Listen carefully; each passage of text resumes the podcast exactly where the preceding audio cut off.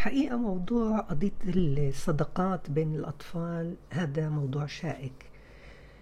في هنا يعني حدة في الصداقة بين طفلة عمرها خمس سنين تعرفت على صاحبة جديدة بنفس جيلها لكن هاي الصاحبة شخصيتها قوية وما عندها حدود.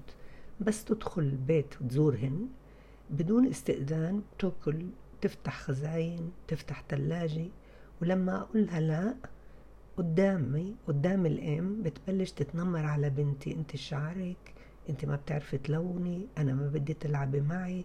وأسلوبها صراخ وعندها نظرات مخيفة وبتعمل بفمها آه، حركات. وكله فيه هيك مثل استرجي تتوعد وقدام عيوني.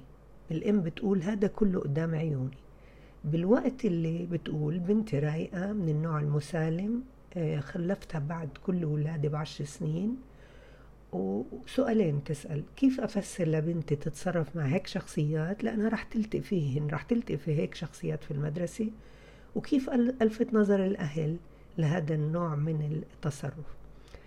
أنا دايما بقول وعندي جملة مأثورة اللي أنا بآمن فيها وعشتها وتعلمتها على جلدي تعلمتها إنه البيئة ليست دفيئة. هاي حكمتي بالحياة.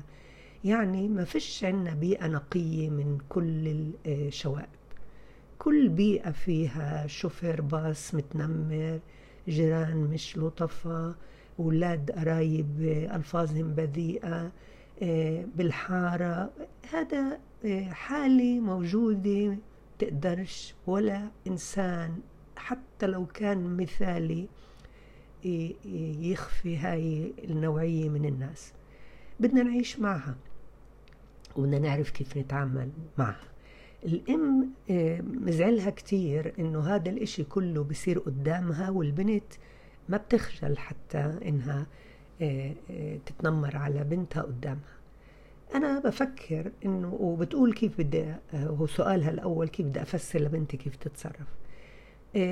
التفسير بهذا الجيل بالخمس سنين لا بنفعش بنفع أكتر وبفيد أكتر إني أستخدم شخصيات خيالية أسأل كشكش أقول له كشكش أنت بتحب حدا يصيح ويفتح البراد عندك ببيتكم لا لا لا.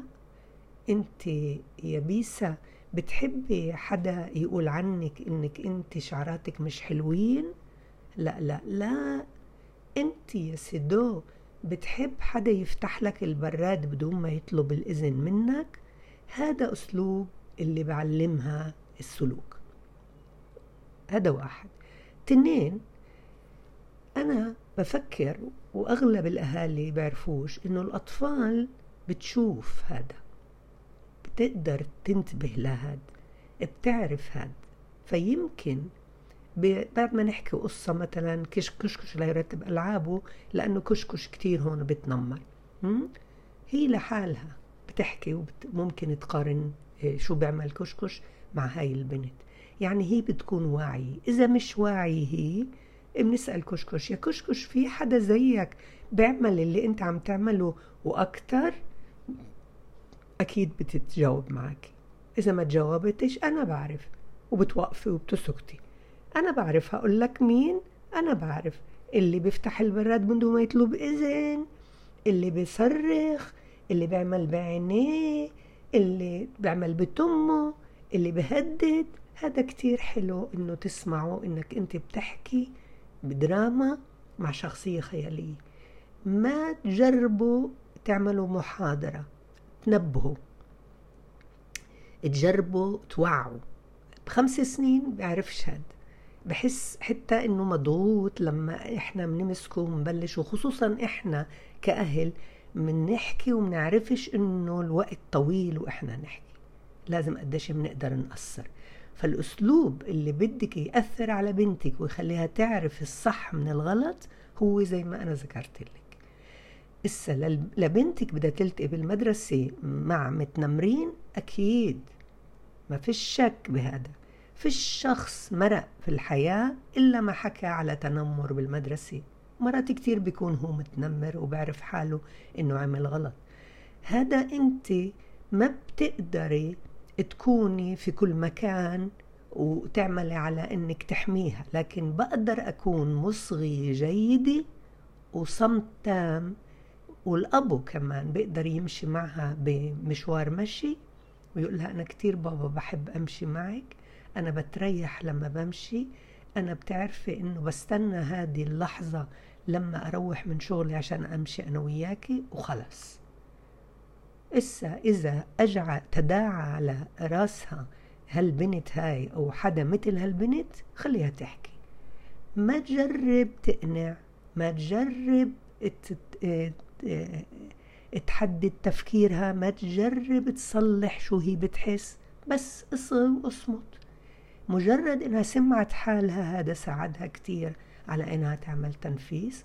طبعا أنا بطلب وبحب كتير إنه تفوت في نوفر لها بيئة مثيرة للرياضة البدنية وتكون مسلية وممتعة طبعا.